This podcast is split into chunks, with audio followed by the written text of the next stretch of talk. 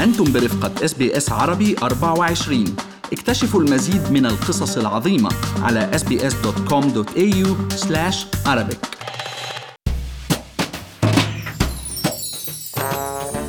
كشف رئيس الوزراء هذا الأسبوع عن الجزء الثاني من خطته لمعاودة النهوض بالاقتصاد الأسترالي بعد الأزمة الكبيرة اللي خلفها فيروس كورونا والمعروفة بخطة JobMaker أو صانع فرص العمل. وتحدث بهذا الجزء عن إطلاق مشاريع بنى تحتية بالتعاون مع الولايات والمقاطعات بقيمة 75 مليار دولار بالسنوات الأربعة القادمة والمتوقع أن تخلق 66 ألف وظيفة جديدة بأستراليا.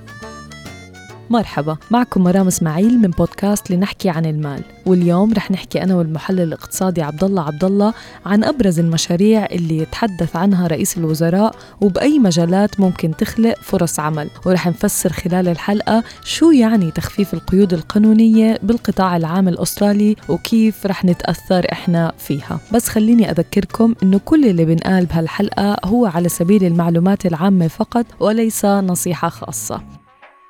يعني عبد الله مثل ما توقعنا قبل ستلجأ الحكومة الفيدرالية وحكومات الولايات للإسراع بتنفيذ مشاريع بنى تحتية لتحفيز الاقتصاد الأسترالي كجزء من ال JobMaker Plan. مزبوط مرام وهي مسألة مهمة بتملكها الحكومة بنظام اقتصادي مثل أستراليا. وبالحقيقة مرام الحكومة التزمت كانت بمبلغ 180 مليار دولار مشاريع بنى تحتية على مدى 10 سنوات اللي جاي. منها 75 مليار دولار حكي عنهم رئيس الوزراء كمشاريع سريعة بالأربع سنين اللي جايين.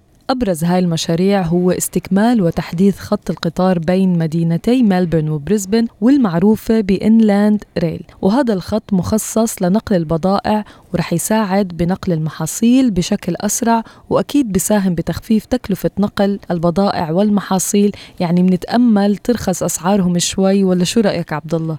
هلا هو بالمنطق لازم آه، مرام آه، تكلفة النقل بأستراليا مرتفعة. نحن بنعرف هذا الشيء وخاصة إنها بتعتمد بجزء كتير منها على الشاحنات، يعني لازم مع استكمال شبكة القطارات هي تخف الأسعار. وهذا الشيء بنتأمله أكيد. المشروع الثاني هو الكابل الكهربائي البحري بين تزمانيا وفيكتوريا، خبرنا عبد الله شوي عن هذا المشروع. صحيح هذا مشروع كمان حيوي مرام لأنه معروف أنه ولاية تزمانيا فيها مشاريع توليد طاقة كهربائية من المياه ال hydro يعني. واسمها الحرفي هذا المشاريع Battery of the Nation يعني بطاريه الامه وظيفة هذه المشاريع مرام انها بت... انها تغذي البلد بالطاقة الكهربائية إذا محطات الطاقة التقليدية غير متوفرة لسبب أو لآخر. وهذا الكبل الضخم مرام رح يساهم أكثر بربط بطاريه الامه بالشبكة الإسترالية. صحيح وكلنا بنتذكر انقطاع الكهرباء بولاية جنوب أستراليا اللي بتعتمد أكثر على مصادر الرياح والشمس لتوليد الطاقة. هاي المصادر مش دائما متوفرة لهيك هذا الربط بيساهم يساهم أكثر باستقرار ال energy supply بالبلد. مزبوط آه، والموضوع الحيوي الثاني مرام هو مشاريع هو مشاريع مياه الطوارئ بولاية نيو ساوث ويلز واللي شفنا قديش عانت من الجفاف بالمواسم السابقة. هيك نوعية من المشاريع بتهدف لمساعدة المزارعين. وخصصت الحكومة أيضا مليار ونص دولار للولايات والمقاطعات للقيام بمشاريع صغيرة ضرورية جدا واللي رح يتم الإعلان عنها بالفترة الجاي. ورح يتم تخصيص 500 مليون دولار منها لمشاريع تحسين مستوى الأمان على الطرقات الأسترالية. يعني بالفعل مرام كل هالمشاريع حيوية وأستراليا بحاجة لها وأكثر ومثل ما سكرتي قبل رح تساهم بخلق 66 ألف وظيفة بشكل مباشر أو بشكل غير مباشر.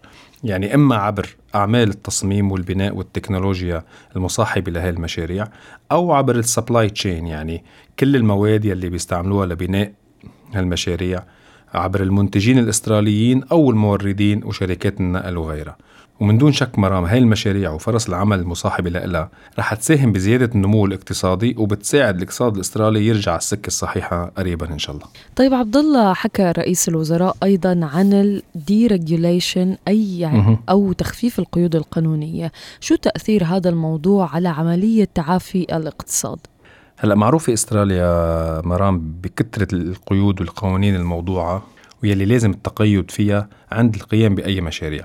الهدف من هالقيود عادة هو التأكد أولا من سلامة بيئة العمل وثانيا الحفاظ على البيئة وأكيد إتمام عمليات البناء بطريقة صحيحة. بس بنسمع مؤسسات صغيرة وكبيرة عبد الله بيشتكوا من هاي القيود لأنها بتتطلب كتير من العمل الإداري والمجهود وكمان أكيد بكلف أموال كتيرة. صحيح. وتانيا بساهم بالتأخر بالبدء بهاي المشاريع. في أو بعض الأحيان بتاخد عملية الأبروفل لبناء منزل أسابيع وأشهر من الكونسل لحاله. مزبوط نقطة كتير مهمة. وتخيلي مرام إنه آه، أكيد بتتضاعف كتير هيدي التعقيدات بحالة المشاريع الكبيرة يلي بتتداخل بكذا ولاية لأن لكل ولاية عندها قوانين خاصة وهون بيدعي رئيس الوزراء لأولا تقليل هاي القيود وثانيا توحيدها بقدر الإمكان يعني بين الولايات وثالثا استعمال أوسع للتكنولوجيا بالمعاملات الحكومية والتخفيف من المعاملات الورقية.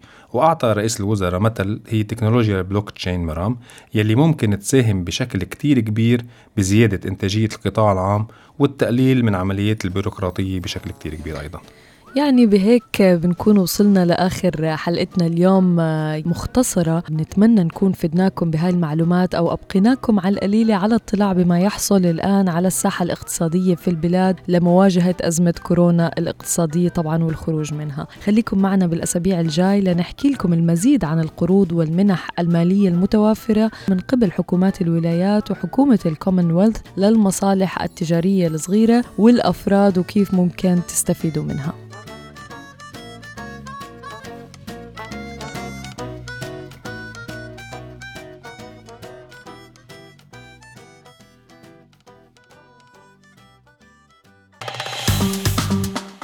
اضغطوا على ال like أو على ال share أو اكتبوا تعليقاً.